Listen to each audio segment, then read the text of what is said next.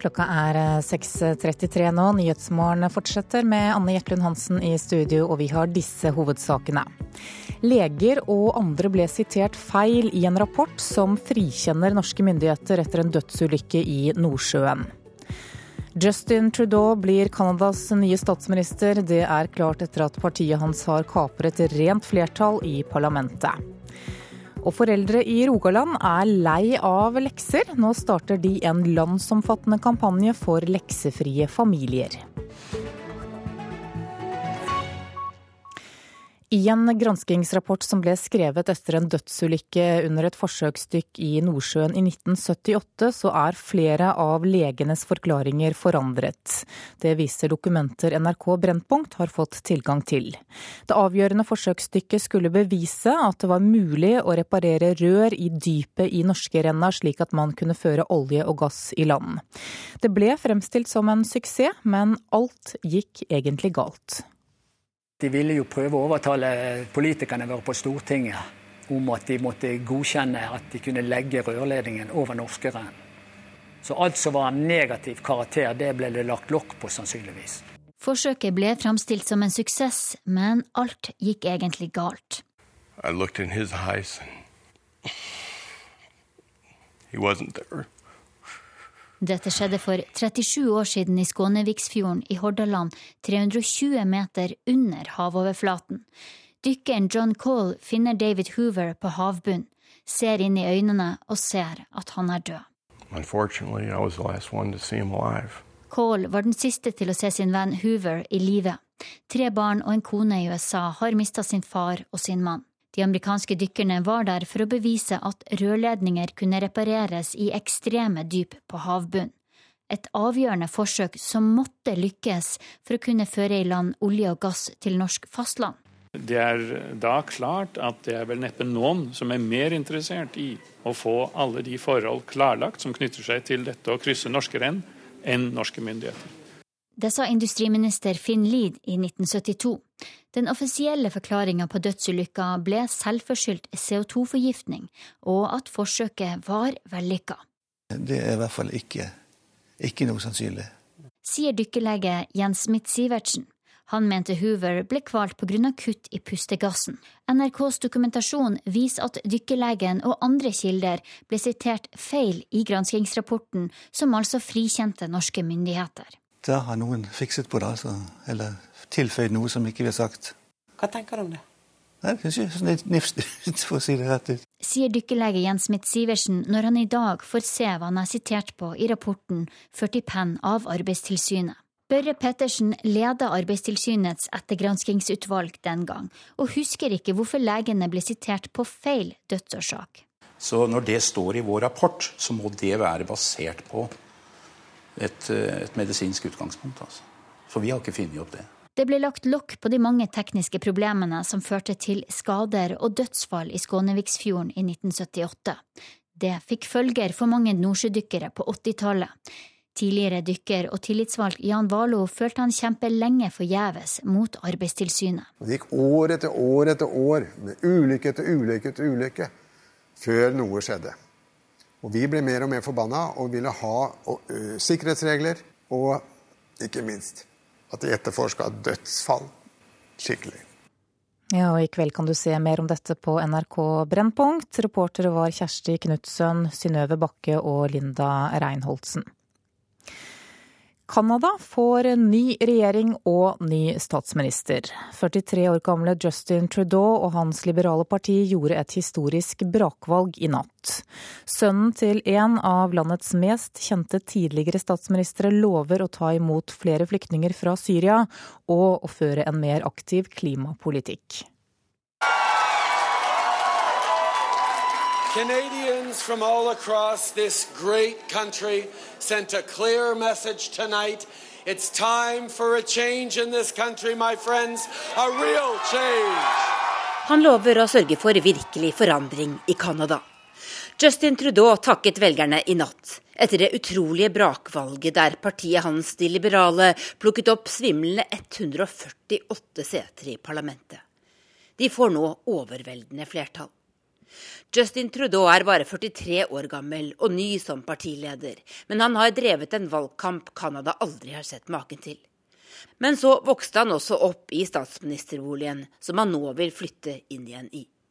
Faren hans, Pierre Trudeau, var statsminister i Canada i 16 år fra 1968, og valgskred i natt må en tilbake til farens første valgseier for å finne maken til.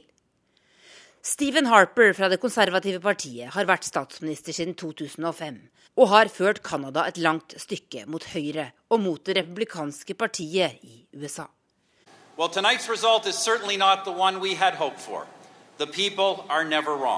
I natt innrømmet han ikke bare valgnederlaget i hjembyen Calgary. Han trakk seg samtidig som partileder i en pressemelding kort tid før sin takketale. Canadas nye liberale regjering har en ambisiøs agenda og vil forandre på mye når den overtar om bare to uker. Utenrikspolitisk har Trudeau lovet et mer solidarisk Canada i verden. Canada vil ta imot minst 25 000 flyktninger fra Syria umiddelbart, og vil stanse landets planlagte kjøp av den samme typen kampfly som Norge har kjøpt fra Lockheed Martin. Trudeau ønsker også å trappe opp kampen mot klimaendringene og gi Canada en langt mer aktiv rolle på klimatoppmøtet i Paris i desember. Tove Bjørgaas, Washington. I dag så skal kontaktgruppen for Ukraina etter planen møtes i Minsk i regi av Organisasjonen for sikkerhet og samarbeid i Europa. Gruppen skal forsøke å arbeide videre med tiltak som kan få ned konfliktnivået øst i Ukraina. Og korrespondent Morten Jentoft i Moskva, det har vært relativt stille derfra nå. Er vi nærmere en varig fredsløsning? Eh, kanskje litt nærmere. Mye er avhengig av eh, den langsomme prosessen som pågår akkurat nå, da, for å forsøke å få mer tillit mellom partene. For det er jo mangel, fullstendig mangel på tillit eh, mellom partene i denne konflikten som har gjort at det har vært svært svært vanskelig å få til fred. Nå eh, eh, skal altså eh, man snakke sammen i Minsk. kanskje enda viktigere viktigere enn det er hvordan man nå klarer å få eh, de tunge våpnene, våpnene, soldatene vekk fra den mer enn 400 km lange frontlinjen som går gjennom Donbas-området øst i eh, Ukraina. Der fortsetter nå partene forsiktig å trekke våpnene tilbake. Eh, under eh, kontroll og overvåking fra nettopp Organisasjonen for sikkerhet og samarbeid i Europa, OSSE. Og det er nettopp slike ting som dette, hvordan få våpenet under eh, frontlinjen, unngå episoder som plutselig kan få dette til å eksplodere igjen. Det er det som er så viktig i denne fasen, i denne fredsprosessen nå. Og Samtidig skal Ukraina etter planen gjennomføre lokalvalg til helgen. Går disse nå etter planen? Ja, De går eh, noenlunde etter planen, men det er problemer ikke minst i Donbas-området. Vi vet at eh, Donbas-området er delt mellom eh, regjeringskontrollerte områder eh, og eh, separatistkontrollerte områder, der altså de prorussiske separatistene har kontroll. De prorussiske separatistene har jo gått med på kravet fra regjeringen i Kiev om å utsette sine planlagte valg. Sånn at valgene nå til helgen de foregår kun i de regjeringskontrollerte områdene. Men i går så kom det meldinger om at det kan bli problemer med å gjennomføre dette valget i Mariupol, som er den nest største byen i eh, Danetsk fylke. En by som er kontrollert av eh, eh, regjeringen. Rett og slett fordi at situasjonen der er såpass eh, uklar. Det er uklarhet rundt valgkommisjonen, sammensetningen av dem, uklarhet rundt hvem som får lov å stille til valg. Og og det viser at eh, disse valgene de, eh, det er problemer å gjennomføre dem på en eh, demokratisk måte. Men eh, de blir i alle fall eh, stort sett gjennomført eh, i, i, dette området som regjeringen har kontroll over, og i resten av Ukraina. Takk skal du ha, korrespondent Morten Jøntoft i Moskva. Da skal vi se hva avisene har på forsidene sine i dag, og flere av dem er opptatt av maktskiftet i hovedstaden. Slik skal de endre Oslo, er overskriften i Aftenposten, som ramser opp en rekke av tiltakene Arbeiderpartiet, SV og Miljøpartiet De Grønne i går la frem, da de presenterte den politiske plattformen for det nye byrådet. Dagsavisen skriver at selv om Raimond Johansen jublet i går, så er dragkampene mellom partiene i det rød-grønne byrådet bare så vidt i gang. Og Klassekampen skriver at de rød-grønne byrådspartiene kom partiet Rødt i møte. De har bl.a. godtatt Rødts krav om at det ikke skal opprettes nye kommersielle barnehager i hovedstaden. Dagens Næringsliv skriver at det er en svindelbølge mot norske bedrifter. Et firma ble frastjålet 900 000 kroner, til tross for at ledelsen varslet banken to dager før om at noen forsøkte å ta ut et enda større beløp fra bedriftens eh, konto. Vi er ikke robuste nok til å håndtere flere flyktninger. Det sier ordføreren i Jølster til Bergens Tidende i dag. Han mener store byer må ta større ansvar. I går varslet Utlendingsdirektoratet at alle flyktningprognoser sprekker. Folk er ikke lenger redde for å komme på TV, det er overskriften i Vårt Land. Det har skjedd noe med kulturen vår, alle forholder seg til skuespill. Det sier høyskolelektor ved Teaterhøgskolen Øystein Stene. Arbeids- og sosialminister Robert Eriksson forteller til Dagbladet i dag at 25 av skolekompisene hans døde av rus. Det har gjort et enormt inntrykk, sier Eriksson. Vedfyring i fritt fall, det er overskriften i Nasjonen. På fem år har vedfyringen falt med over 30% her i landet. Tårene kom da hun så skrekkbildene, det skriver Adresseavisen. Det dreier seg om bildene av Byåsen-spiller Moa Høgdals beinbrudd, som gikk landet rundt søndag kveld. Og nå er 19-åringen forberedt på å bruke fire-fem måneder på å komme tilbake. Mens VG skriver at det er en eksplosjon i salget av energidrikker. Vi brukte 1 milliard kroner på slike drikker i fjor, og helseeksperter advarer. Skal vi ha sport, og nærmere bestemt ishockey. Mats Zuccarello skåret sitt fjerde mål for sesongen da New York Rangers slo San Jose Sharks i den øverste ishockeyligaen i USA, NHL, i natt. Dermed er nordmannen blant NHLs beste målskårere så langt denne sesongen. Zuccarello's got the puck. Yandel coming deep. Zuccarello shoots and Nordmann satte inn hjemmelagets andre mål for kvelden, snaut ti minutter ut i andre periode, og viser for tiden at han er tilbake for fullt, etter at han pådro seg kraniebrudd i april i år, da han ble truffet av en puck. De færreste hadde før sesongen trodd at nordmannen skulle stå bokført med flere mål enn målgivende pasninger, men det er altså tilfellet for 28-åringen for tiden. Det er så langt bare fire spillere i NHL med flere mål enn Zuccarello denne sesongen.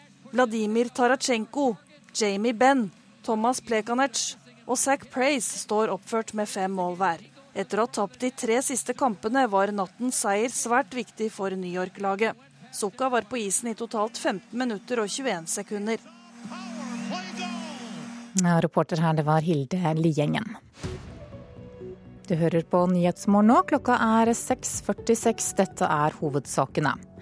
Leger og andre ble sitert feil i en rapport som frikjenner norske myndigheter etter en dødsulykke i Nordsjøen. En av mennene som ble dømt i Alvedal-saken er anmeldt for nye overgrep. Og Canada får ny regjering og ny statsminister. Nå skal vi til Rogaland, der en gruppe foreldre er lei av lekser. De mener at hjemmelekser har liten eller ingen effekt. Nå har de satt i gang en landsomfattende kampanje som de kaller Leksefrie familier. Og den går ut på at hver familie bestemmer seg for å bli leksefri fra neste skoleår, og dermed informerer skolen om det. Jeg synes lekser er veldig gøy, fordi da lærer du mye. Og så er det på en måte det, Ja, lekser er bare veldig gøy. Hva syns du om lekser, da? Det er ikke så veldig gøy å gjøre det, men vi må lære. Jeg syns det er av og til ganske kjedelig. Hva sier mor og far om leksene, da? Gjør lekser! Klar tale der fra både elevene og foreldre i sjette klasse på Tasta skole i Stavanger. Men det er ikke alle som er like enige i at barn må gjøre lekser. Vi sitter og ser på en nettside som heter leksefrifamilie.no. Anita Viste Eskeland peker og scroller nedover på dataen. Eh, her kan alle gå inn og se hvordan de kan bli en leksefri familie. For sammen med en bekjent, initiativtaker Roger Sjursen fra Hjelmeland, står rogalendingene i spissen for kampanjen Leksefri familie. Dette er jo ikke noe opprør mot verken eh, skole eller lærere. Dette er et oppgjør med en tradisjon. Så det, det viser seg har eh, veldig liten effekt. Og du har eh, regnet på dette med lekser òg? Ja, hvis vi tar et enkelt regnestykke og regner én time til dagen med lekser i ti år, da blir det 1520 timer. Og det er rett opp under et årsverk. Og det fikk meg til å tenke hva holder vi på med egentlig? Hvis dette ikke virker? Sier Sjursen. De har nå laga lokale nettsider i alle landets kommuner.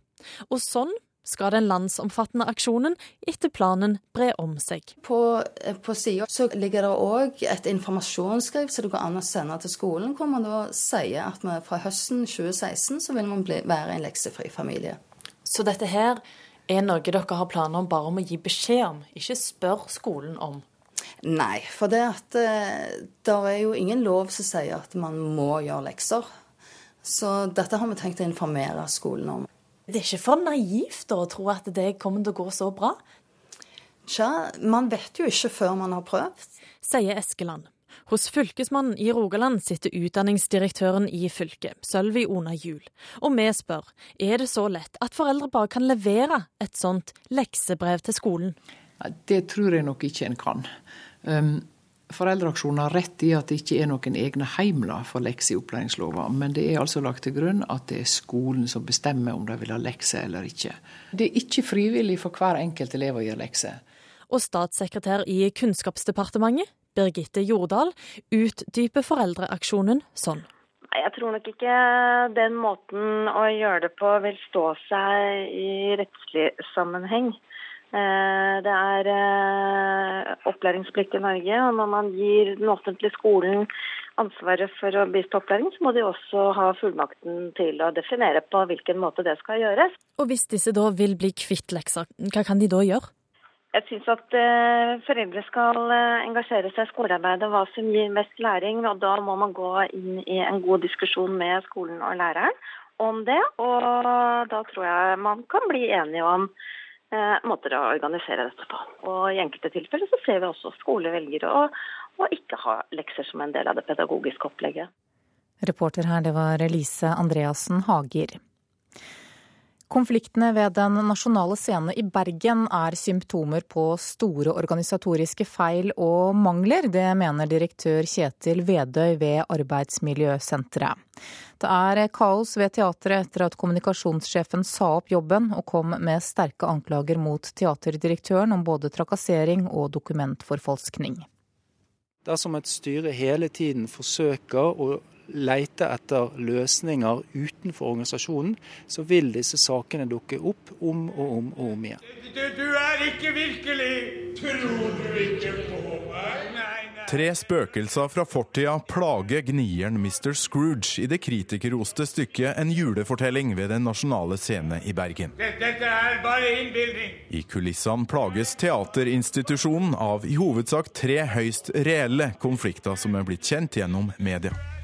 Arbeidstilsynet er kobla inn etter at ansatte skal ha kommet med kraftig kritikk. For nøyaktig tre år siden meldte NRK Vestlandsrevyen om at Arbeidstilsynet granska påstandene om DNS-direktørens lederstil. I fjor kom teatret igjen i medias søkelys. I dag var det tidligere teatersjef Bjarte Hjelmeland sin tur til å vitne i rettssaker mellom Den nasjonale scene og den oppsagde Øyvind Espen. Og i høst har en ny konflikt kommet fram. For I dag ble det kjent at kommunikasjonsdirektøren Finn Bjørn Tønder går av i protest. Årsaken er konflikt med direktøren. I et notat har Tønder ifølge Bergensavisen bl.a. beskyldt teaterdirektør Bente Hartvedt Ringstad for å planlegge dokumentforfalskning. Ingen slipper unna Vargensgrunn. Skuespiller Helge Jordal skada ryggen under prøvene til stykket Rockeulven, og Tønders påstand går ut på at direktør Ringstad planla å sminke på tekniske rapporter som Helge Jordal har bedt om å få utlevert etter arbeidsulykka. Påstander som nå blir granska av en ekstern jurist. Dette er symptomer på at uh, sakene ikke blir håndtert bra, og uh, at det derfor løftes forbi ledelsen og ut i media og ut i samfunnet. Kjetil Vedøy, direktør i den nøytrale organisasjonen Arbeidsmiljøsenteret, har fulgt situasjonen ved DNS gjennom media. Mye av dette er symptomer også på tillit som kanskje ikke er der, og på at sakene ikke tas opp i rett fora til rett tid, med rett person, i riktig møte. Og da får de vokse seg altfor store, slik at de blir uhåndterlige. Vi har systemer for hvordan man kan varsle og løse konflikter. Det sier teatersjef ved Den nasjonale scene Agnete Haaland, som også uttaler seg på vegne av styrelederen. Årsaken til at en ny konflikt er blitt kjent i media, ligger hos kommunikasjonssjefen, som har sagt opp, sier Haaland. I og med at dette notatet har gått til en rekke andre mennesker og lekket til pressen, så er det slik at veldig mange er orientert om det som står i notatet. Og dermed har man ikke fulgt de vanlige rutinene for varsling og konfliktløsning. Det sa teatersjef Agnete Haaland til reporter Torkil Thorsvik, og direktør Bente Hartvedt Ringstad har ikke ønsket å kommentere beskyldningene mot henne. Bruk av digitale formidlingsverktøy blir stadig viktigere i norske museer. Førstkommende lørdag åpner Nord-Troms museum sine splitter nye utstillingslokaler på Storeslett. Og da blir flere digitale verktøy tatt i bruk. Det gir jo en uh, mulighet for å være mye mer fleksibel og også å bidra med mer informasjon om den enkelte gjenstand. Historiske gjenstander fra Nord-Troms finner sin nye plass på Storslett. Ei kasse båtspiker, et par ullvotter, ei parafinlampe samt ei slegge fra gruvetida skal alle inn i de nye utstillingslokalene til Nord-Troms museum. Men det blir ikke ei utstilling av den tradisjonelle sorten. Samtlige gjenstander plasseres i ei digital ramme, forteller konservator Lise Brekkmo. Ved digitale løsninger så kan vi fortelle om gjenstandene i en mye bredere kontekst. Hvis du er begrensa til fysisk tekst på vegg, så, så er det et visst antall ord du kan på en måte bruke. Mens igjen da bruker skjermer, formidler gjenstander på skjermer, så kan du lese både om den sosiale og historiske konteksten. Vi kan formidle produksjonsmåter. Og vi kan òg bruke fantastiske historiske bilder også, som vi, vi sitter på, som viser gjenstandene i bruk.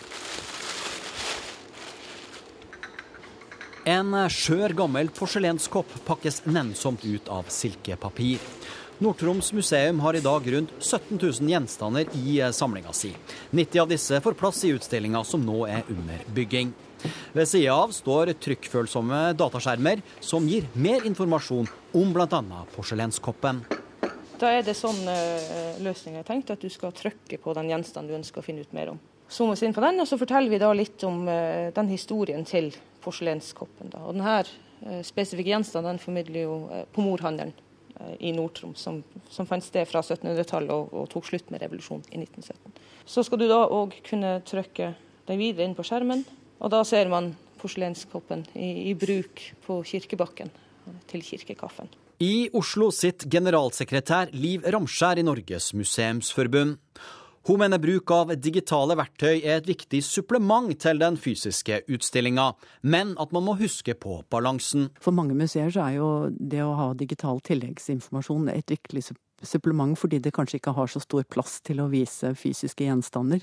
Balansen går jo på det å da sørge for at den forteller eh, altså en historie i det fysiske rommet som publikum kan ha glede av, og at du da gir tilleggsinformasjon som er en fordypning av det, og at ikke det blir sånn at det er bare det digitale som teller. Jeg tror de fleste som kommer på museer eh, ønsker å oppleve også de fysiske gjenstandene landene. Det sa generalsekretær Liv Ramskjær i Norges museumsforbund, og reporter det var Rune Nordgård Andreassen. Da skal vi se på et værvarsel som gjelder til midnatt. Fjellet i Sør-Norge vestlig bris, litt regn i vestlige områder, snø over ca. 1000 meter. Ellers opphold og perioder med sol. Østlandet først på dagen for det meste skyet eh, og opphold. Lokal tåke. Utpå dagen mulighet for sol, særlig vest for Oslo og Mjøsa. Telemark først på dagen skyet, stort sett opphold, lokal tåke og fra i ettermiddag stort sett pent vær. Agder nordvestlig eller skiftende bris. Litt regn lengst vest, ellers delvis skyet oppholdsvær. Lokal tåke først på dagen. Fra i ettermiddag stort sett pent vær, men fortsatt skyet lengst vest. Rogaland kan vente seg vest- og sørvestlig opp i frisk bris. I kveld dreiende nordvestlig, skyet, litt regn eller yr. Hordaland sørlig frisk bris på kysten. I formiddag liten kuling lengst i nord. Skyet og litt regn eller yr. Sogn og Fjordane sørlig liten kuling på kysten. Stiv kuling i nord, fra i ettermiddag sørvestlig frisk bris. Liten kuling omkring Stad, og skyet, litt regn og yr. Møre og Romsdal kan vente seg økning til sørvestlig liten kuling på kysten. I ettermiddag forbigående stiv kuling. Skyet, litt regn og yr vesentlig i ytre strøk. Trøndelag sørlig opp i frisk bris. Fra i ettermiddag sørvestlig stiv kuling på kysten. I kveld minkende. Skyet eller delvis skyet, stort sett opphold. Og fra i ettermiddag regn eller yr. Nordland på kysten av og til liten kuling, litt regn. I indre strøk stort sett oppholdsvær. I kveld sørvestlig stiv kuling på kysten. Økende nedbørsintensitet. Troms på kysten periodevis liten sørvestlig kuling. Skyet og for det meste oppholdsvær. I kveld økning til sørlig stiv kuling utsatte steder i sør og regn. I Finnmark er det ventet sørvestlig frisk bris. Utsatte steder på kysten i vest periodevis liten kuling. Opphold og noe sol på vidda og i øst. Og i vest enkelte regnbyger. Og på Nordensjøland på Spitsbergen litt snø. Fra i ettermiddag østlig bris og stort sett pent vær. Så tar vi med temperaturene som ble målt klokka fem. Da hadde Svalbard lufthavn minus tre grader, Kirkenes to, Alta fem, Tromsø og Bodø sju.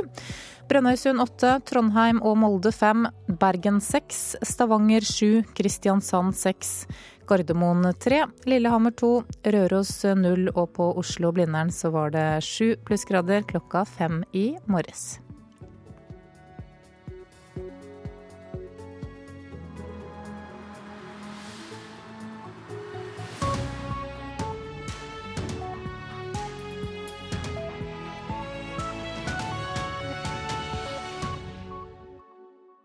Dagsnytt 18 fyller 25 år. Ja, det er riktig. Vi feirer med utvidet direktesending fra Rockefeller i Oslo. Det kommer vi til å greie. I morgen på NRK P2. Legenes forklaring er endret i en granskningsrapport som frikjente norske myndigheter etter en Nordsjø-ulykke. En av de dømte mennene i Alvdal-saken er mistenkt for nye overgrep. Her er NRK Dagsnytt klokken sju ved Ida Creed. I en granskningsrapport som ble skrevet etter en dødsulykke under et forsøksdykk i Nordsjøen i 1978, er flere av legenes forklaringer forandret på. Det viser dokumenter NRK Brennpunkt har fått tilgang til. Det avgjørende forsøksdykket skulle bevise at det var mulig å reparere rør i dypet, slik at man kunne føre olje og gass i land. At dette ble fremstilt som en suksess, overrasker ikke tidligere tillitsvalgt for nordsjødykkerne Arne Rikard Jentoft. De ville jo prøve å overtale politikerne våre på Stortinget om at de måtte godkjenne at de kunne legge rørledningen over Norskeren. Så alt som var negativ karakter, det ble det lagt lokk på, sannsynligvis.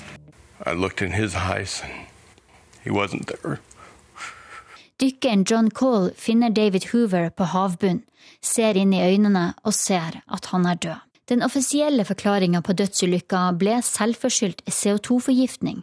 Det er i hvert fall ikke, ikke noe sannsynlig. Sier dykkerlege Jens Smith-Sivertsen.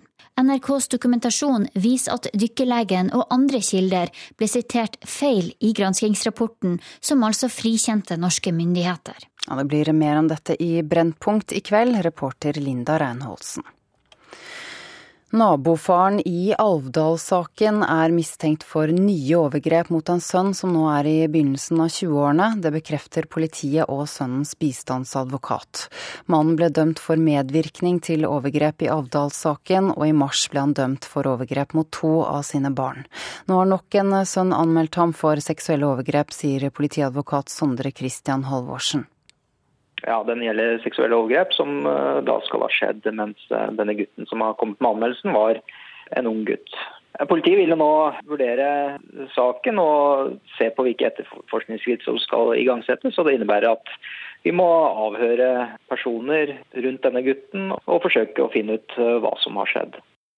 Ja, det sa politiadvokat Sondre Christian Halvorsen. Gustens eh, bistandsadvokat ønsker ikke å kommentere saken, og mannens forsvarer har ikke vært tilgjengelig for kommentar. 43-åringen Justin Trudeau blir Canadas nye statsminister. Det er klart etter at sentrumspartiet De Liberale kapret rent flertall i parlamentet.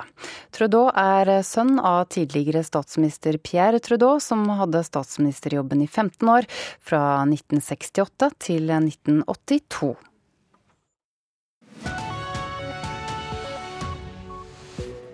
Klokka er 7.03 nå. Nyhetsmorgen fortsetter med disse sakene.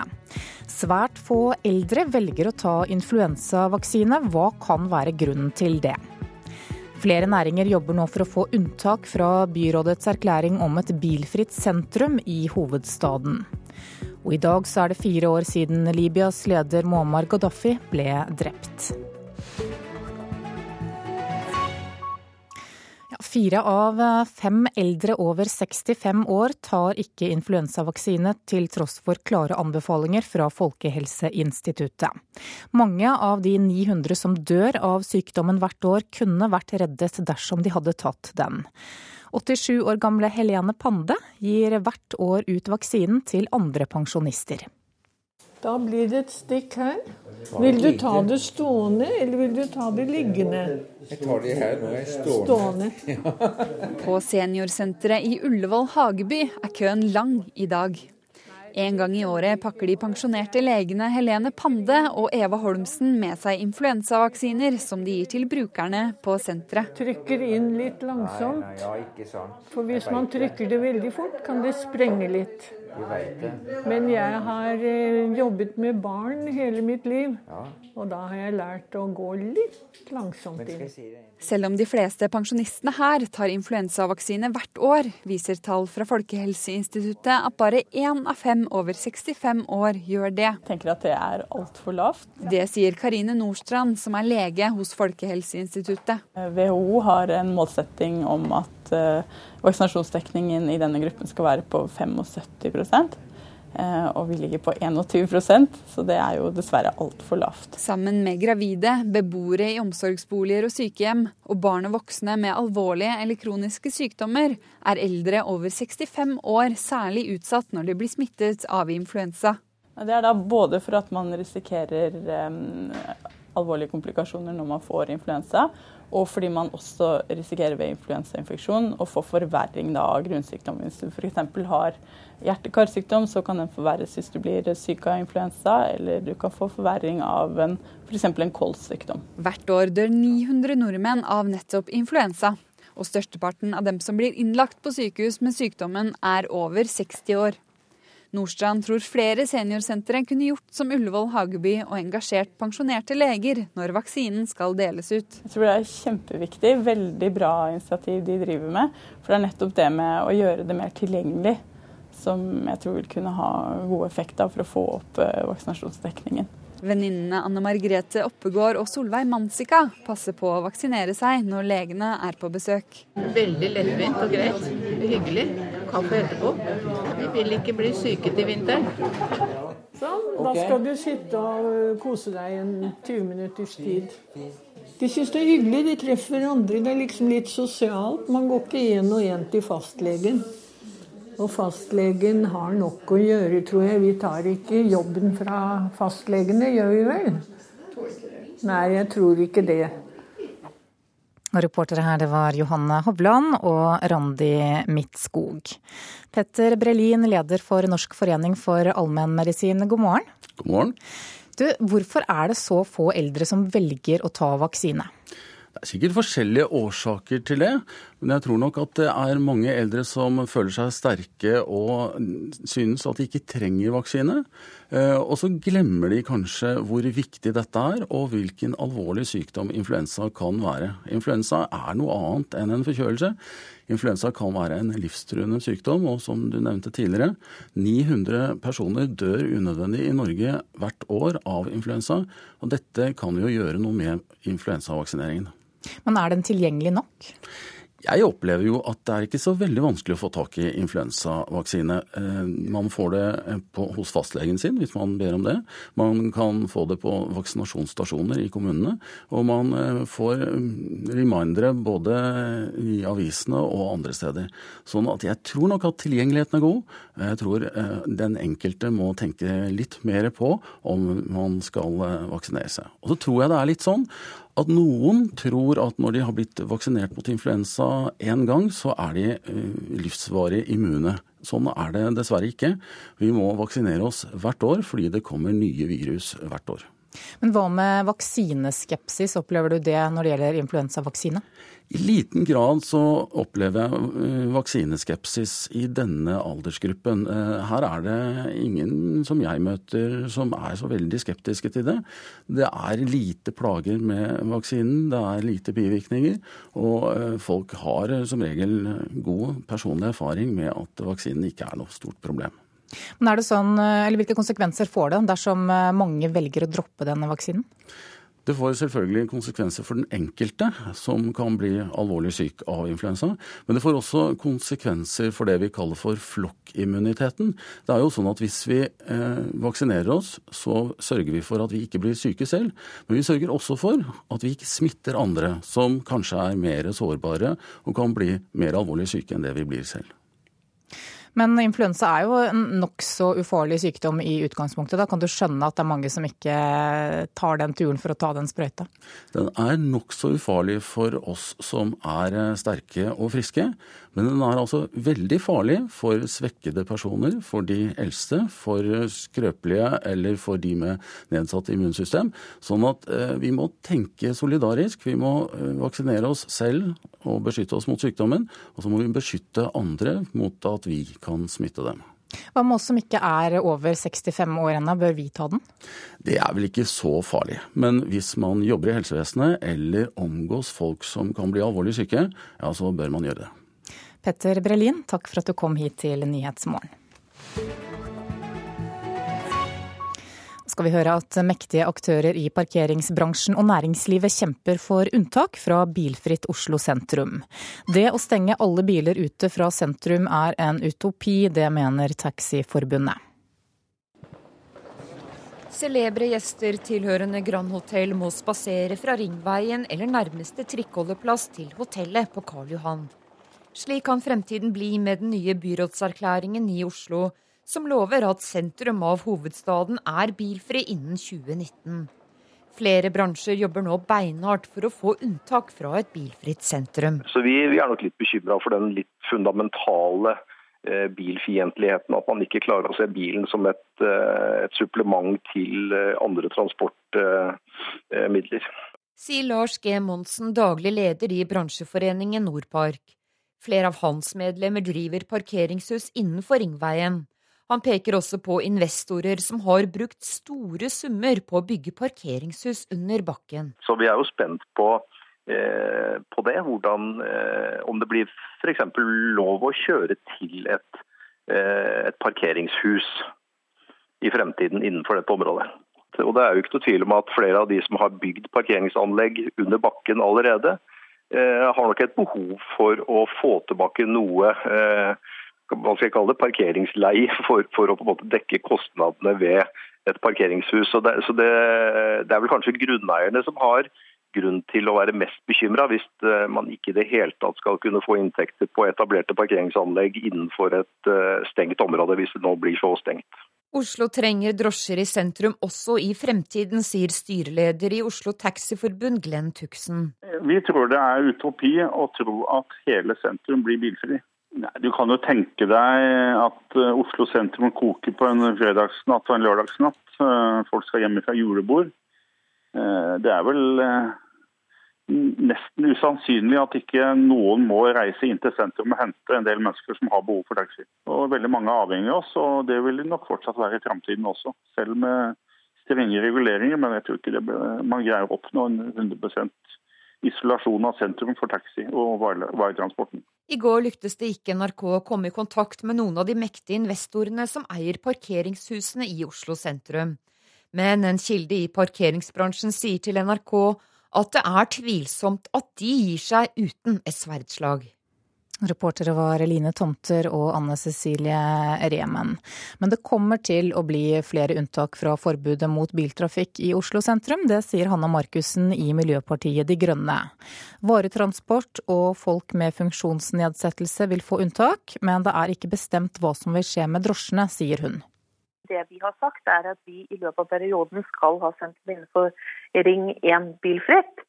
Eh, og I det så ligger det jo at uh, den unødvendige privatbilismen skal ut av Ring 1.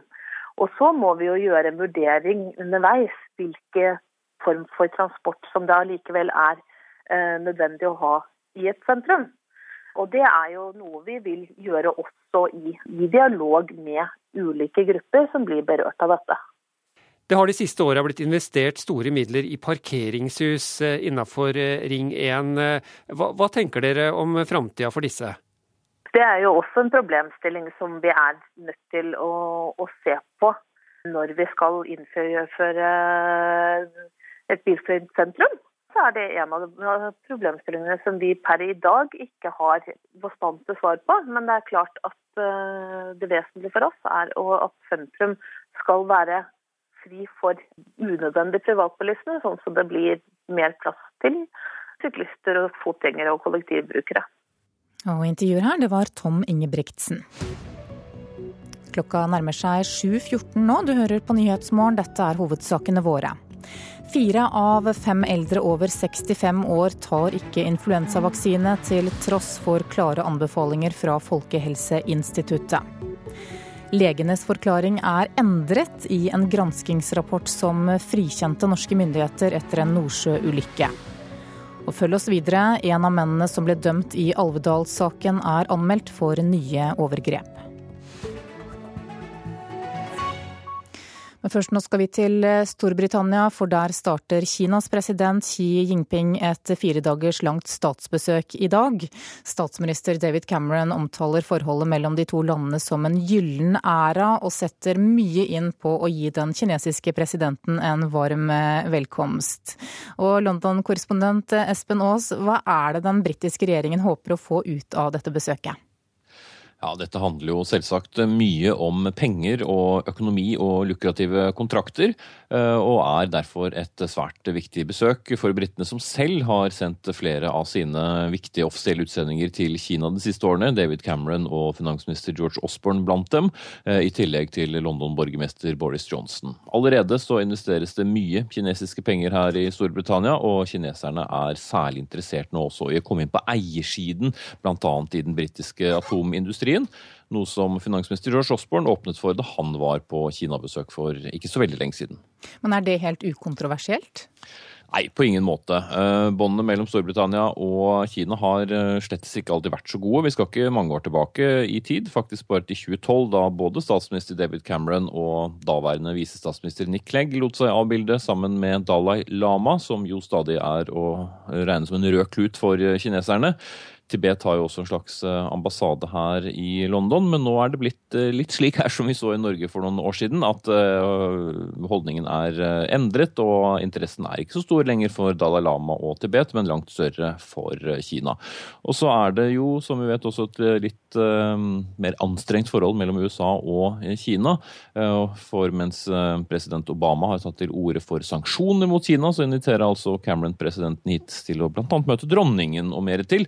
Eh, men Cameron har da understreket de siste dagene at han ikke tror at eh, denne voldsomme velkomsten for Kinas president skal gå utover forholdet som Storbritannia da har til USA.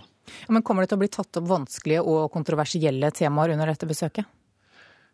Nesten rett før eh, presidenten satte seg på flyet i Kina, så kom det en stor nyhet her i Storbritannia om et stort britisk stålverk som gikk over ende fordi det ikke kunne drives økonomisk lenger. og En av årsakene var nemlig billig kinesisk stål. og Cameron sa i parlamentet i går at han ville ta opp den problematikken med presidenten. Men langt mer spennende er Labour-leder Jeremy Corbyn, som har sagt at han vil snakke med både brudd på menneskerettigheter, brudd på presse- og ytringsfrihet når han møter presidenten i dag.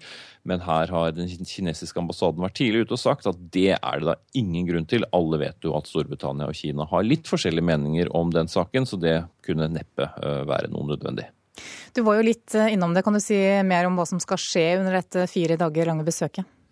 Ja, De kom i, i, går kveld, men pumpen og prakten uh, er det mye av i dag. Det er uh, velkomst ved The Horse Guards uh, Parade midt i London sentrum før presidenten og hans kone skal kjøres til Buckingham Palace og bli tatt imot av både dronning og prins Philip. Så blir det besøk i Westminster, der presidenten skal snakke til politikerne.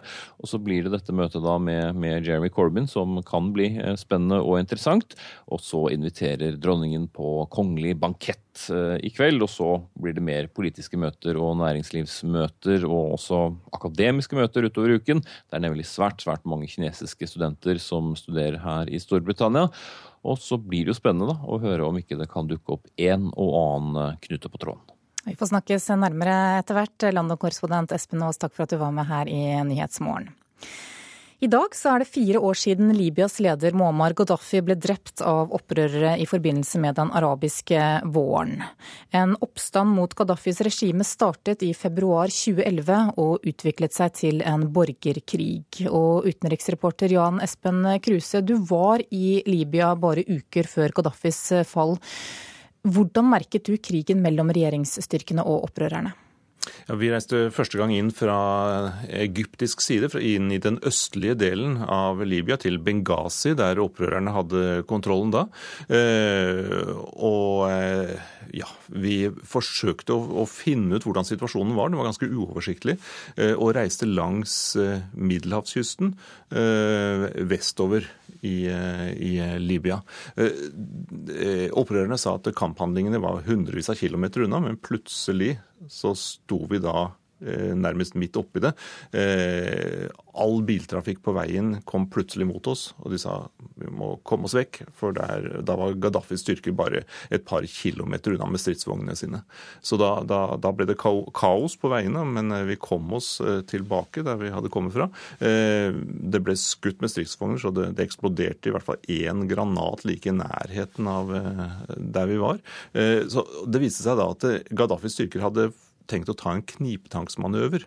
Altså kjøre stridsvognene i en eh, bue rundt de oljerike områdene og rundt havnene som var viktige for eksporterte olje, og, få tatt tilbake kontrollen over disse oljebyene. Eh, og da var vi altså inne i dette området, men eh, mens vi var der, så bombet Nato Gaddafis stridsvogner.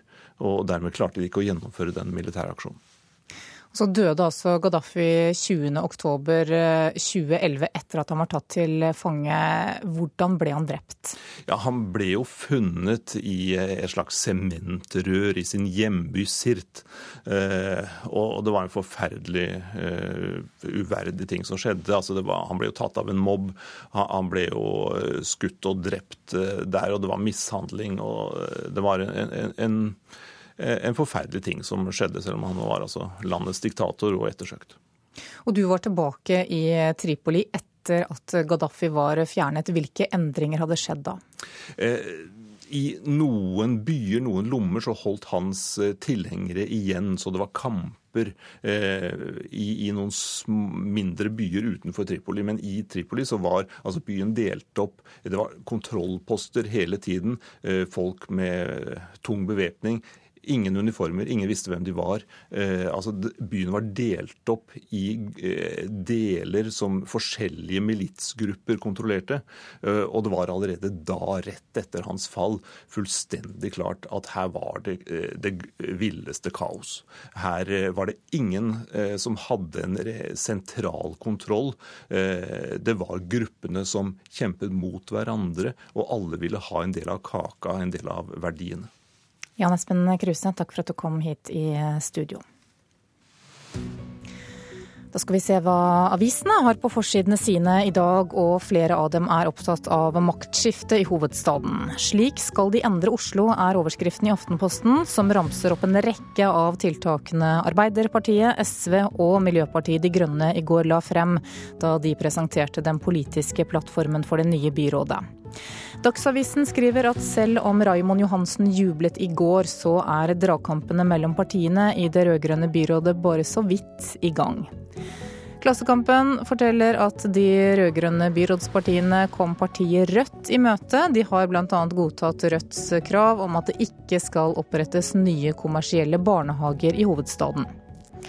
Dagens Næringsliv skriver at det er en svindelbølge mot norske bedrifter. Et firma ble frastjålet 900 000 kroner, til tross for at ledelsen varslet banken to dager før om at noen forsøkte å ta ut et enda større beløp fra bedriftens konto.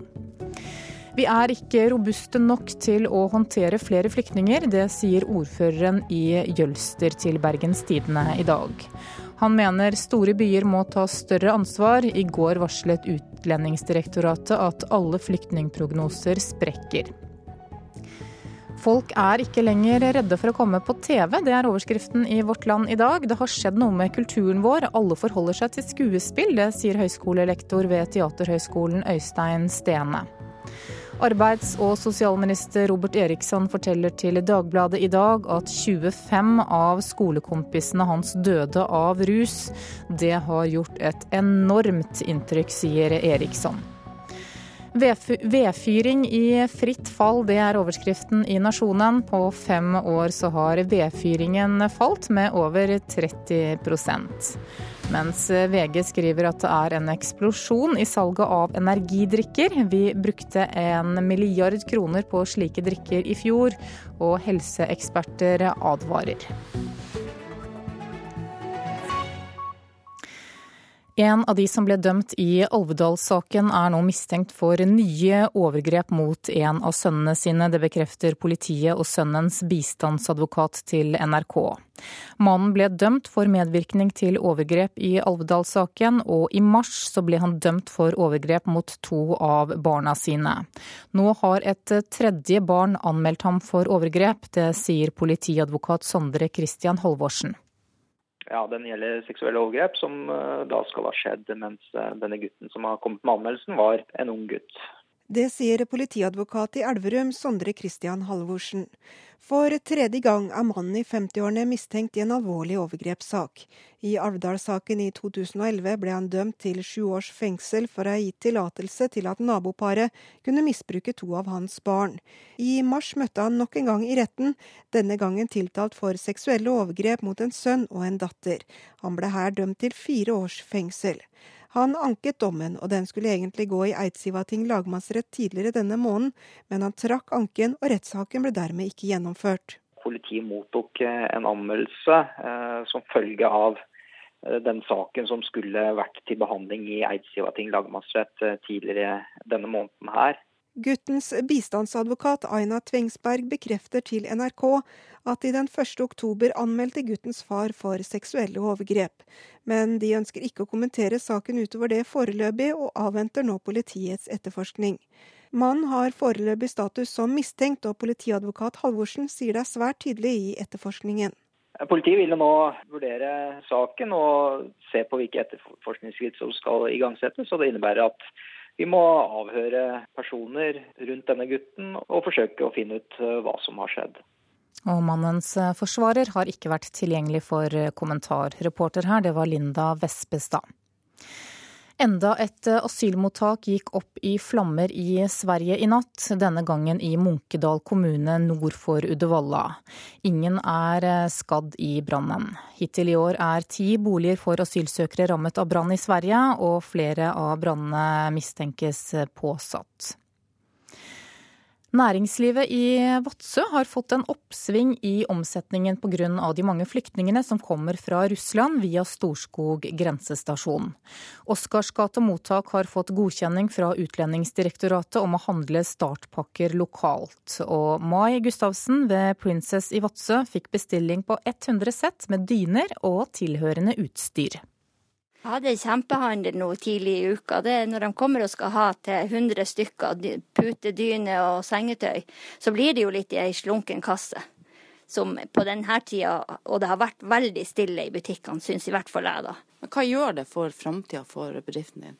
Ja, det er jo kanskje et vær eller ikke vær. Det er jo etter hvert store bedrifter her i byen, og kanskje også på kommunalt plan, som handler fra andre kommuner. Og fordi at er, de klarer å levere det billigere enn vi gjør. Så for oss så er det kjempebra. Mai Gustavsen har fått en kjærkommen inntekt fordi Oscars gate mottak nå kan handle startpakker med bl.a. dyne og sengesett hos henne. Men også klær og sko handles lokalt. Men uh, her går det i ett på gulvet her. Det har vært stille måneder på skobutikken hos Beate Pedersen i Vadsø. Nå kan også hun se litt lysere på tilværelsen som næringsdrivende. Den betyr uh, rett og slett et boost i omsetninga. Å få lov til å selge sko til uh, de syriske flyktningene, det er vi utrolig takknemlige for. For meg og for oss så blir det en velsignelse. Oscarsgata mottak har alltid handla lokalt. Hilde Meyer er nestleder ved Oscarsgate mottak i Vadsø. Tidligere når vi fikk beboere til oss, så kom de med ferdige sengetøypakker, klespakker som de fikk i transitt, og, og sammen med kjøkkenpakker. Så langt har Sør-Varanger tatt imot 1200 flyktninger som krysser grensa fra Russland til Norge, og situasjonen har i en periode vært svært pressa.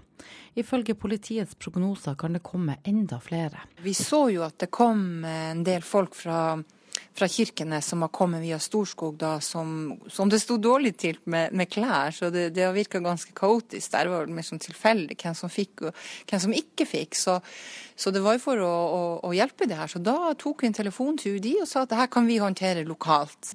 Ja, tusen takk, Lisbeth. OK, her kan du få tak i sko. Og det er noe som har skjedd kjempefort nå? Ja, ja, ja. Små butikker har ikke et enormt varelager, men de har hevet seg rundt og skaffa det som trengs. Vi har funnet mange forskjellige modeller som vi kan selge til eh, det, det pristaket som asylmottaket har kommet med. Ja. Så nå har jeg bestilt inn nye lager, så nå er det bare å knalle på. Og det kan jeg jo også oppfordre andre kommuner eh, som stiller opp nå rundt omkring, og, og prøve å ta grep. Ta uh, tak i det, snakk med UDI, så ordner det seg sikkert, og forhandle lokalt. Ja, det sa til slutt Hilde Meier, som er nestleder ved Oscarsgata mottak, og reporter det var Liss Jacobsen Leite. Klokka nærmer seg 7.30 og Dagsnytt. I reportasjen etter det så skal vi til Chile, der stadig flere av de som sto bak brudd på menneskerettighetene i forbindelse med kuppet for 40 år siden, nå blir stilt for retten og straffet. Produsent for Nyhetsmorgen i dag er Elise Heisel Asbjørnsen, og her i studio Anne Jetlund Hansen.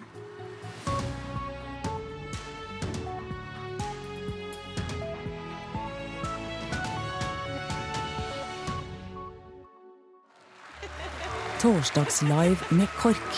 I Torsdagslive med KORK får vi besøk av Heidi Gjermundsen Broch, kjent fra Det Norske Teatret og Stjernekamp. Hver gang jeg kommer i nærkontakt med klassisk musikk, så får jeg sånn kiling i, i magen. Velkommen til torsdagsfest klokka 19.30 i NRK P2.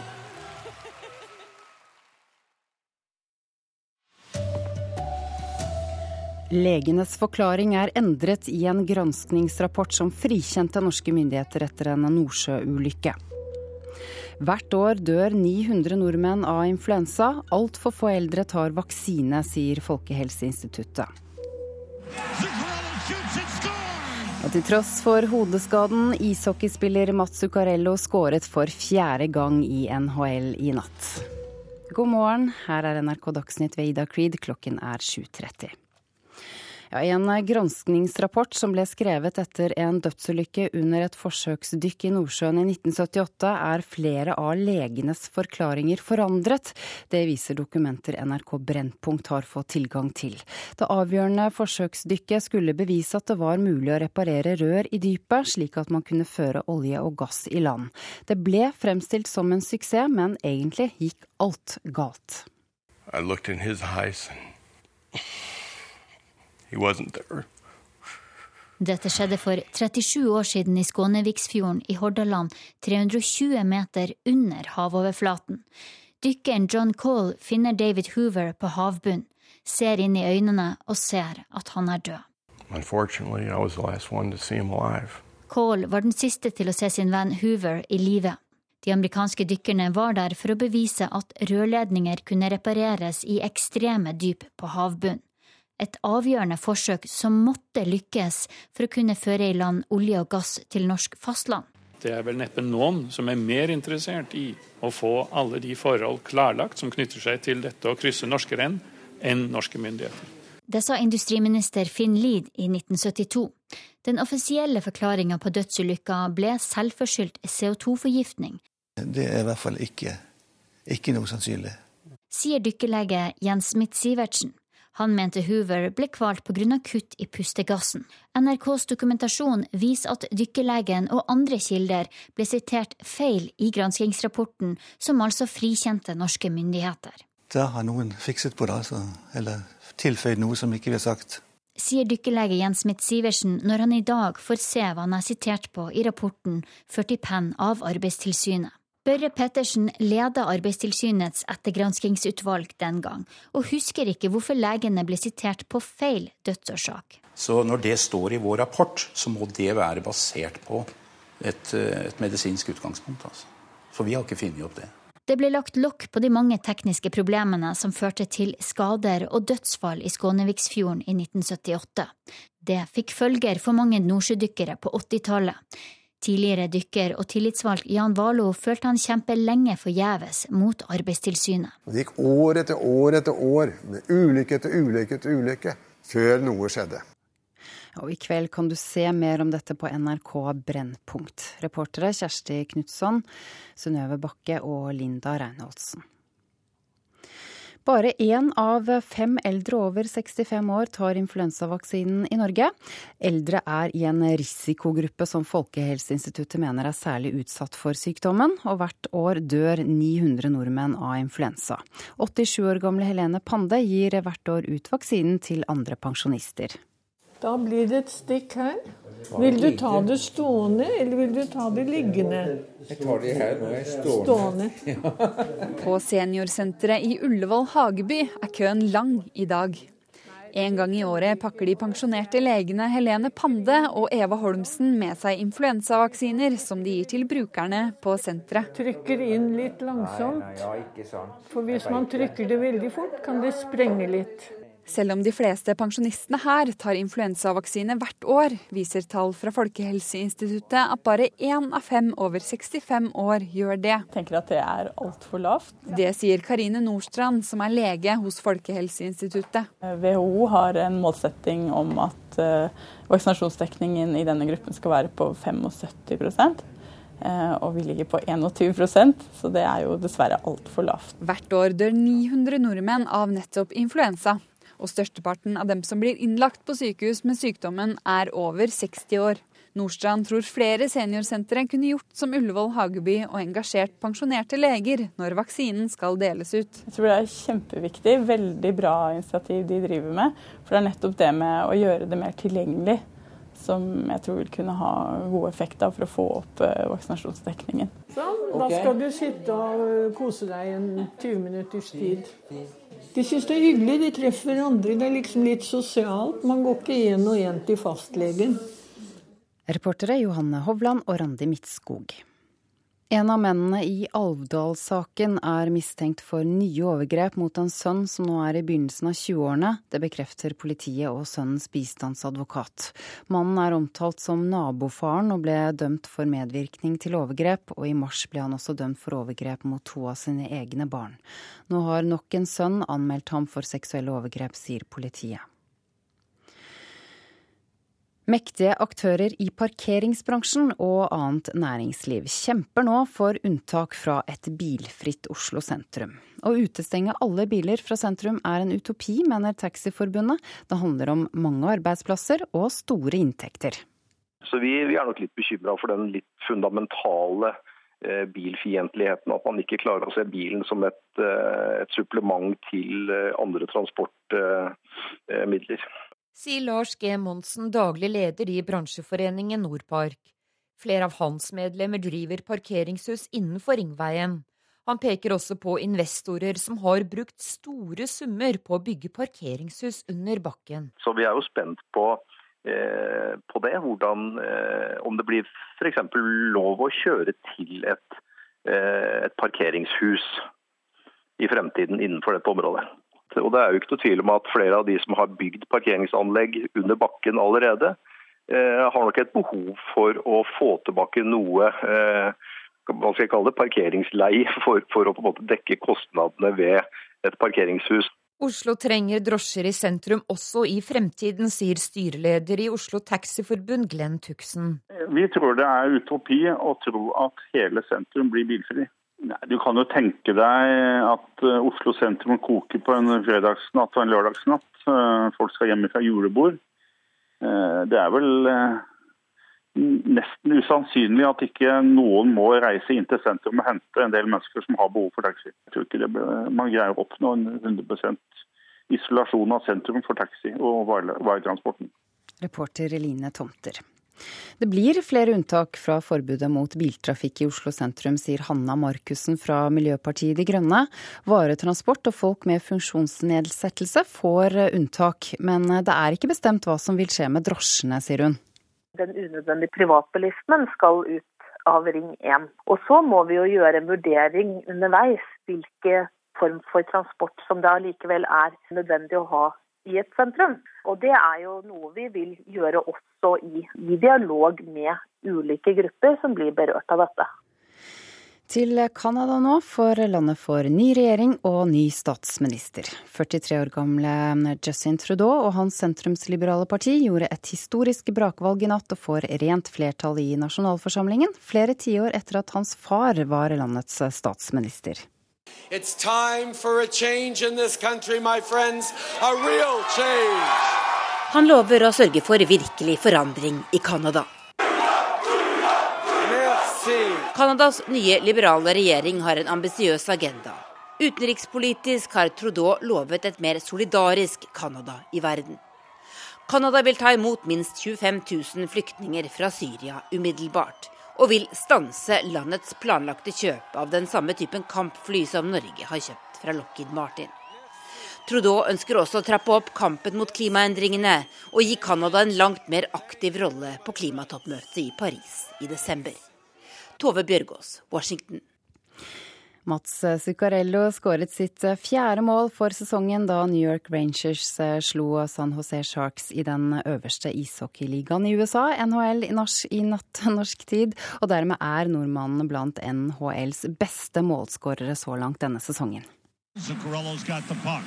Yandel's coming deep. Zuccarello shoots and scores! Nordmann satte inn hjemmelagets andre mål for kvelden, snaut ti minutter ut i andre periode, og viser for tiden at han er tilbake for fullt, etter at han pådro seg kraniebrudd i april i år da han ble truffet av en puck. De færreste hadde før sesongen trodd at nordmannen skulle stå bokført med flere mål enn målgivende pasninger, men det er altså tilfellet for 28-åringen for tiden. Det er så langt bare fire spillere i NHL med flere mål enn Zuccarello denne sesongen.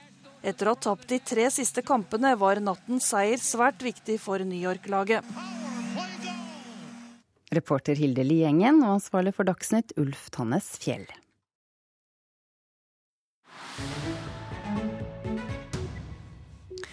Klokka er 7.40 eh, og Nyhetsmorgen fortsetter. Stadig flere av de som sto bak brudd på menneskerettighetene i Chile, blir nå stilt for retten og straffet. Det har gått 40 år siden militærkuppet, og mye av det som skjedde den gangen har vært en verkebyll for landet.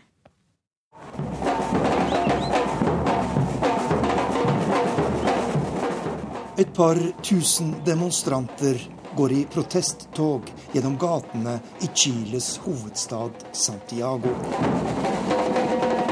Vi gir aldri opp å få dere straffet, står det på en stor transparent som bæres først i toget. Det er etterlatte etter militærdiktaturets ofre som protesterer. For mer enn et Kvart hundre år etter at diktaturet gikk i graven, er det fortsatt titusener som ikke har fått svar på hva som skjedde med deres kjære. Og de færreste av bødlene har fått sin dom.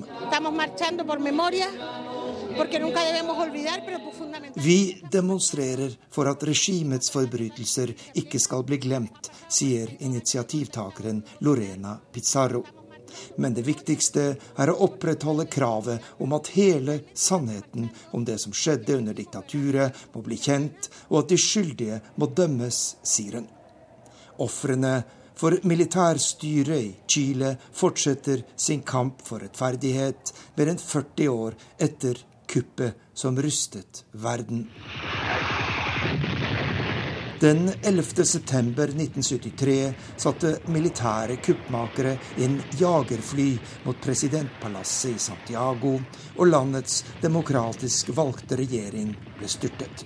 De militære startet et terrorvelde som kostet mer enn 4000 mennesker livet. Men den dag i dag er de aller færreste dømt for sine ugjerninger. La impunidad es una enfermedad para una sociedad.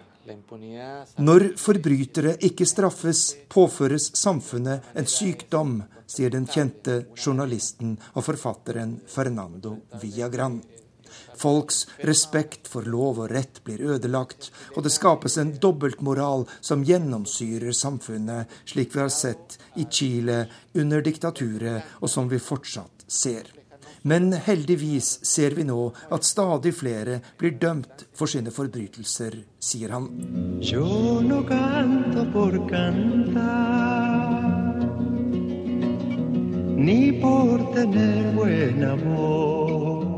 Den mest kjente av bødlenes ofre er Victor Jara. Den berømte sangeren som ble arrestert og torturert på det grusomste på en stadion i Santiago de Chile. Victor Jara ble funnet i en bakgate med 44 kuler i kroppen, og til denne dag er ingen dømt for forbrytelsen. Men nylig ble ti militære tiltalt i denne saken, og rettssaken vil trolig starte rundt nyttår. La nueva de jueces liberados del, del, de la, la herencia vi har fått en ny generasjon av dommere som ikke er tynget av arven fra diktaturet, men som er opptatt av lov og rett, sier Fernando Viagran. Det er slike dommere vi må sette vår lit til hvis dette landet skal fri seg fra den moralske sumpen vi befinner oss i. Men det haster, for mange av drapsmennene og torturistene begynner å bli gamle menn, og flere av diktaturets fremste forbrytere er allerede gått i graven, sier den kjente journalisten og forfatteren. Og reporter her, det var Arnt Stefansen. Klokka har passert 7.44 nå. Du lytter til Nyhetsmorgen. Dette er hovedsakene våre. Legenes forklaring er endret i en granskingsrapport som frikjente norske myndigheter etter en dykkerulykke i Skånevikfjorden. En av mennene som ble dømt i Alvdal-saken er anmeldt for nye overgrep. Og Justin Trudeau blir Canadas nye statsminister. Det er klart etter at partiet hans har kapret rent flertall i parlamentet. Klokka nærmer seg 7.45. Det betyr at du straks får Politisk kvarter i denne kanalen. Og programleder i dag, det er Cecilie Roang Bostad.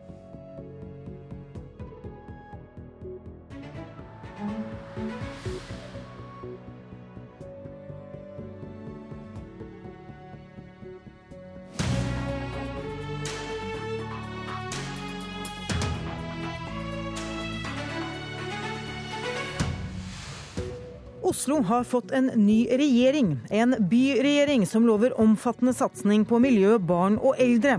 Men hvor er det blitt av flyktningene? Og er det riktig at bosted skal avgjøre hvilke kommunale ytelser du får? Riktig god morgen, velkommen til Politisk kvarter. Det skal bli 500 nye par hender i eldreomsorgen. 3000 nye barnehageplasser, gratis halvdagsplass i aktivitetsskolen på en rekke skoler, utvidelse av gratis kjernetid i barnehagen, 200 nye lærere og en storstilt utbygging av kollektivtilbudet og sykkelveier. Ja, dette er bare noen av punktene i byrådserklæringen eh, som dere la frem i går. Tone Tellevik Dahl, Oslo Arbeiderparti, god morgen og velkommen. God morgen. Det er mye som loves eh, uten de helt store garantiene her. Hva er det som er viktigst for dere i eh, å få igjennom? Vi har ambisjoner om å, om å, gjennomføre alt det vi sier i, i vårt program. Eh, I hvert fall igangsette flere, eh, flere av de store prosjektene. Eh, klart En ny T-banetunnel vil ikke bli ferdig på, på fire år, det, det, sier seg selv. Men vi har lagt opp et ganske ambisiøst program for en ny regjering for å ta Oslo i en mer grønnere og rausere retning. Mm, men hva er det du kan garantere for her, da? Vi kommer til å starte innføringen av eiendomsskatt, det sier seg selv. Eh, vi kommer til å bygge sykkelveiene. Her har vi også tallfestet hvilke traseer som vi ønsker skal være ferdig eh, innen utgangen av denne perioden. Vi skal begynne å bygge barnehager også i kommunal regi. Det blir flere lærere. Så det, veldig mange av disse punktene som står her, vil folk merke allerede i 2016, med da en gradvis opptrapping utover. Ja, Eiendomsskatten er dere vel rent sagt helt avhengig av med disse løftene? Ja, det er helt klart. Og det var Arbeiderpartiet veldig ærlig på også i valgkampen. Det kreves ganske store løft for å møte den veksten som Oslo har eh, fremover. Vi trenger de inntektene for å bygge barnehager, for å styrke eldreomsorgen og for å sikre en økt fart på kollektivutbyggingen. Eirik La Solberg, avtroppende finansbyråd fra Høyre i Oslo, velkommen.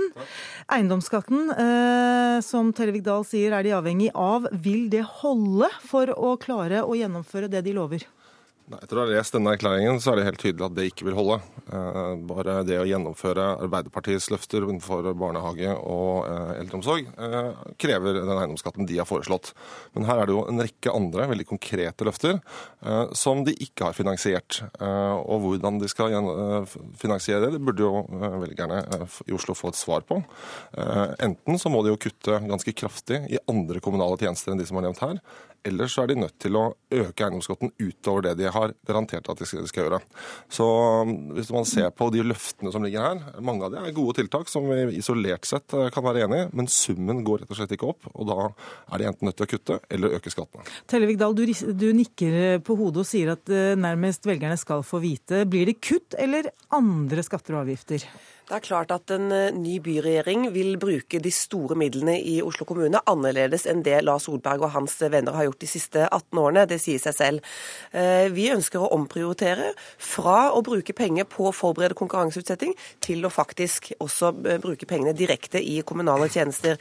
Vi ønsker mindre konsulentbruk. Vi ønsker å omdisponere det til direkte tjenesteyting. Og det er jo også slik da, Lars Solberg, at Arbeiderpartiet har jo vist i sine alternative budsjetter at vi allerede utenfor eh, maktens eh, tårn eh, klarer å omdisponere flere hundre millioner kroner med en eh, forsvarlig inndekning. Når vi kommer på innsiden, så tror jeg vi også kan se større muligheter for å finansiere så, våre store løfter. Så omdisponering holder her? Det blir ingen andre nye skatter og avgifter? Eiendomsskatten er den eneste nye skatten vi innfører. Men dette som sies nå, altså det stemmer jo ikke. Altså, penger man har brukt på konkurranseutsetting. Man har kanskje brukt noen få millioner kroner på å forberede konkurranseutsetting av, av eh, f.eks. noen sykehjem. Eh, det Arbeiderpartiet har behov for, er å hente inn mange milliarder kroner. Eh, og det, når det er snakk om konsulenttjenester, det pengene konsulenter brukes på først og fremst i Oslo kommune, er jo å bygge, få råd til å bygge skolebygg, råd til å bygge nytt hovedbibliotek, råd til å gi noen av de store utbyggingene på kollektivtrafikk som vi alle sammen er enige om. Så de har et finansieringsproblem, og det nytter ikke å, å prøve å skygge unna at de enten er nødt til å kutte eller øke skattene. Men det som bekymrer meg aller mest, at jeg mener at denne byrådserklæringen på en rekke områder tar Oslo i feil retning.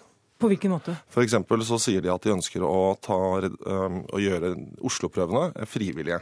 Oslo-prøvene har vi innført som et supplement til de nasjonale prøvene for å være sikre på at vi vet hva elevene kan, og at vi kan sette inn innsatsen der den trengs mest. Så når de tar bort det som et obligatorisk virkemiddel, så reduserer det mulighetene våre til å gi tilpasset undervisning, og det vil svekke den gode Oslo-skolen vi har klart å utvikle gjennom mange år. Ja, For den skal bli eh, frivillig, Tellevik Dahl? Det skal være fortsatt mange obligatoriske prøver i Oslo-skolen, for kunnskap er ganske viktig. For, men Oslo-prøvene skal bli frivillige? Oslo-prøvene skal bli frivillige, men vi skal ha nasjonale prøver. De nasjonale kartleggingsprøvene som ellers i landet er frivillige, de er fortsatt obligatoriske i Oslo. Men vi gir da også muligheten til skolene å selv vurdere om de vil bruke Oslo-prøver eller andre testmetoder for å følge med på hvordan elevenes eh, faglige utvikling er. Jeg vil bare stille et spørsmål til rundt dette med 500 nye par hender og 3000 nye barnehageplasser, mm. gratis AKS i kjernetid for åtte østlige bydeler. Mm. Er det, uh, vet dere hva det vil koste? Ja, det vet vi. Eh, det, det, de tallene la vi også i og for seg fram i under, eh, under, valgkampen.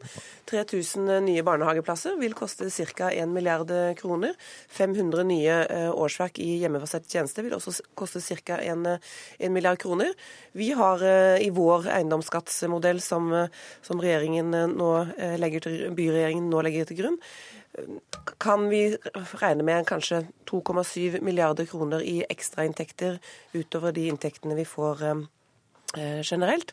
Eh, så det vil jo være godt innafor å kunne dekke del, de to løftene. Men, men det, er ikke, det, er jo ikke, bare de løftene som Tone Tellevik Dahl uh, viser til nå, som står i denne erklæringen.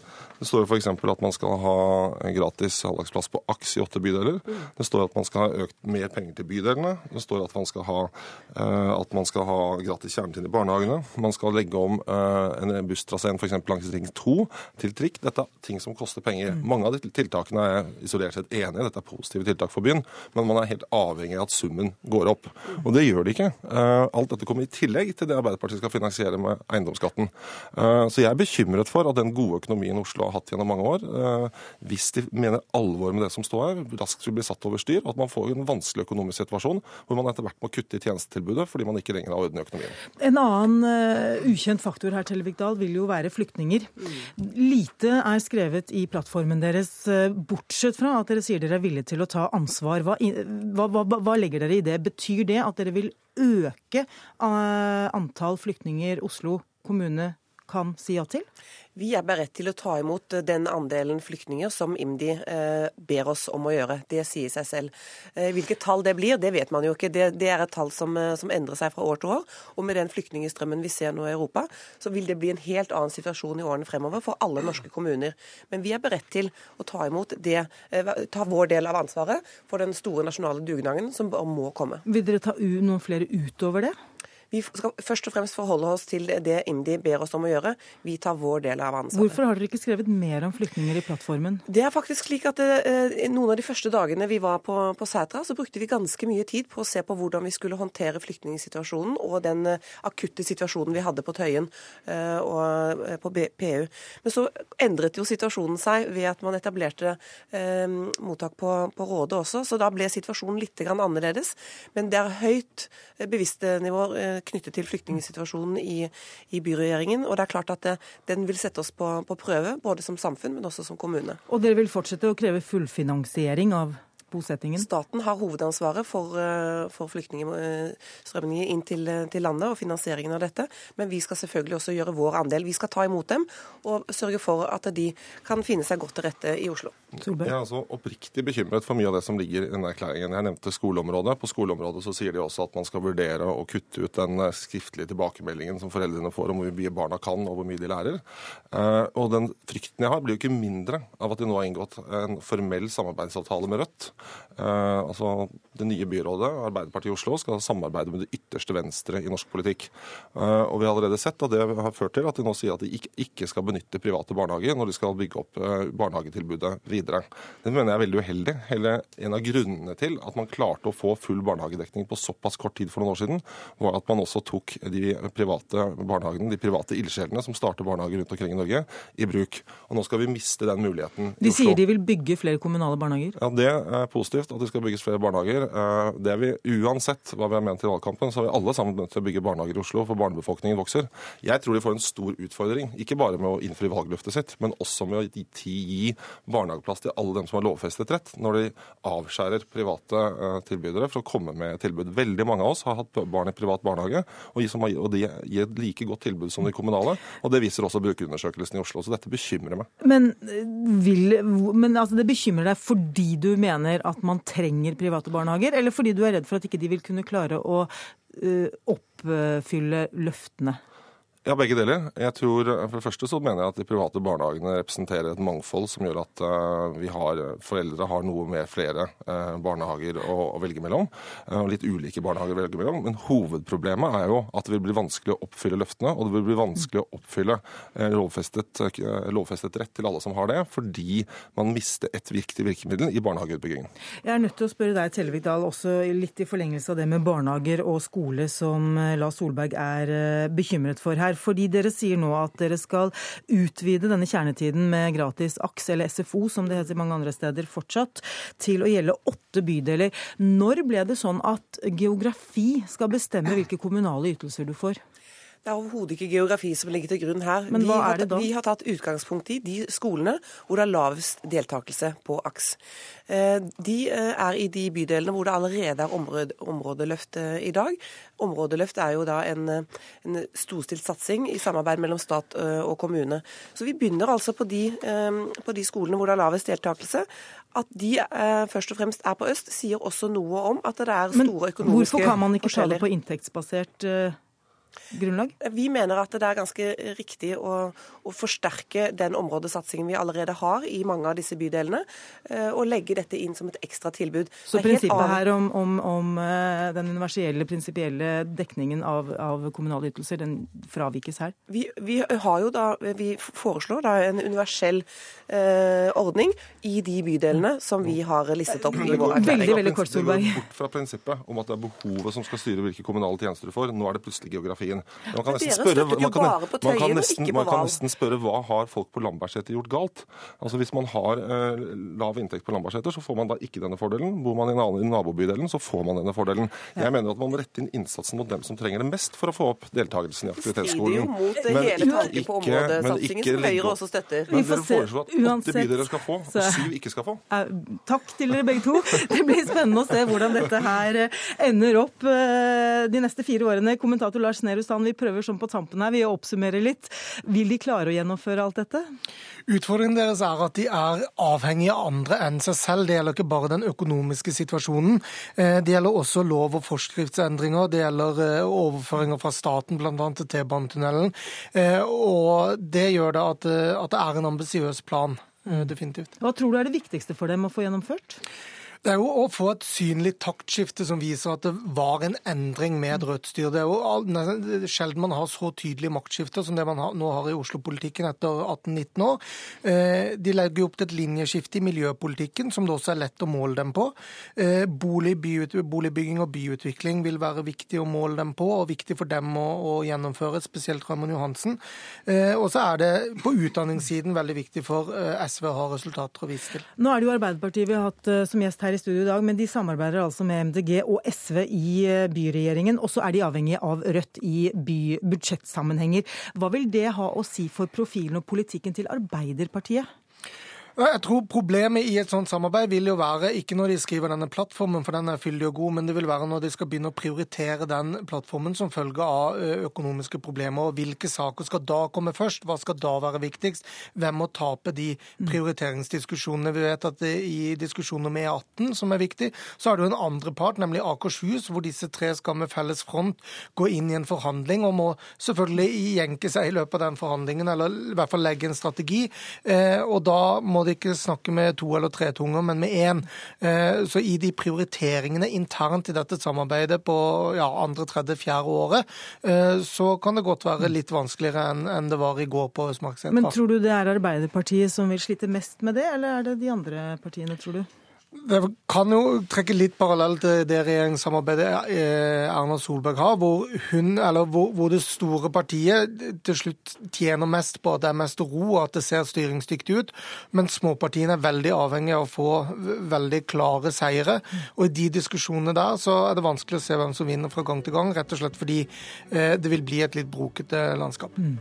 Og klokken ti i morgen formiddag, da får vi vite hvem eh, som får de forskjellige postene i den nye byråds byregjeringen. Politisk kvarter er slutt.